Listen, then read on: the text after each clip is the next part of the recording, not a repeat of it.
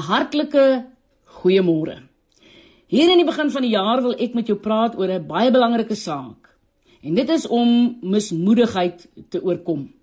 Jy moet hierdie saak vroeg in die jaar leer en onder die knie kry, want indien jy dit nie doen nie, sal jy nie met blymoedigheid en blydskap in oorwinning hierdie jaar kan leef nie. Ek deel met jou oor die Israeliete wat op pad was na die beloofde land.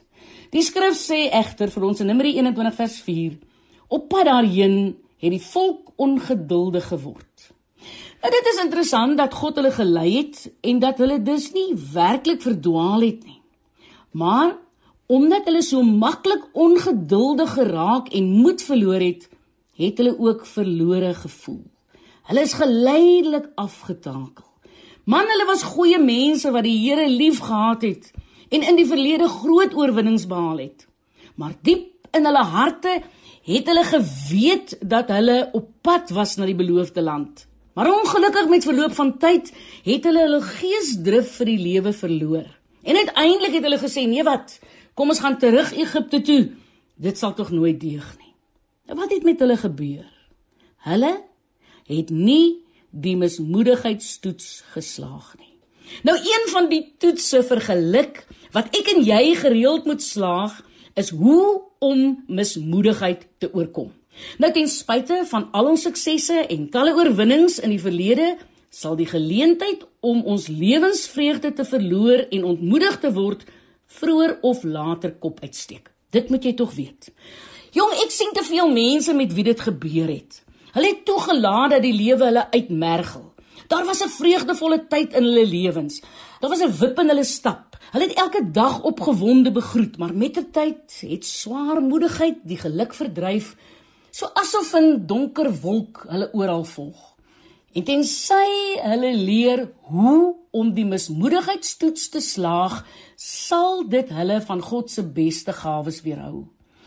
Al ervaar jy probleme en terugslag, moet jy onthou dat God steeds die weg aandui. Hy het ons die krag gegee om steeds 'n goeie gees te handhaaf waar ons ons ook al bevind.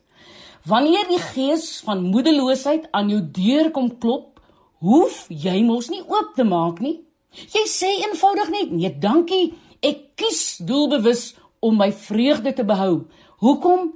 Want ek weet mos God is in beheer van my lewe.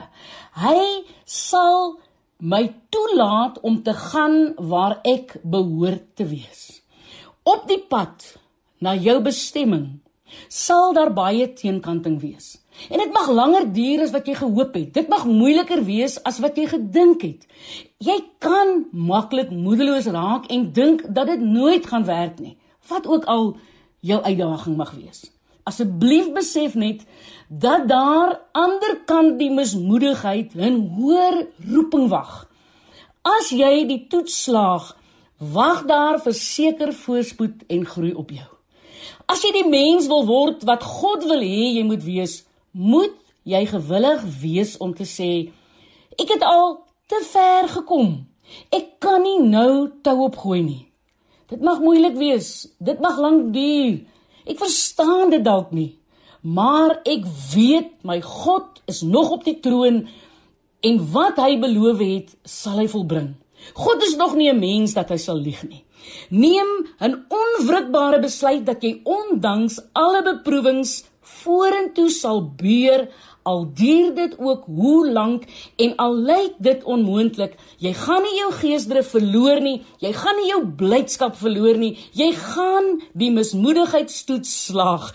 Jou oorwinning is reeds verseker. Galasiërs 6:9 stel dit so: Laat ons dan nie moeg word om goed te doen nie, want as ons nie verslap nie, sal ons op die bestemde tyd ook die oes insamel. Ek wil hê jy moet weet vandag. Die psalmdigter sê: "My hulp kom van die Here wat hemel en aarde gemaak het." Ons kan nie kop onderste bo deur die lewe ploeter gedurig aan ons probleme dink top oor hoe sleg dit gaan nie. Elke negatiewe ding beleef en herleef nie. Ons moet God vertrou vir die beste in ons lewe. Lig jou kop omhoog, skep 'n nuwe visie vir jou lewe. Daar lê 'n wonderlike jaar waarin die Here jou graag wil seën. Ek is Lenet Beer vir Radio Kansel.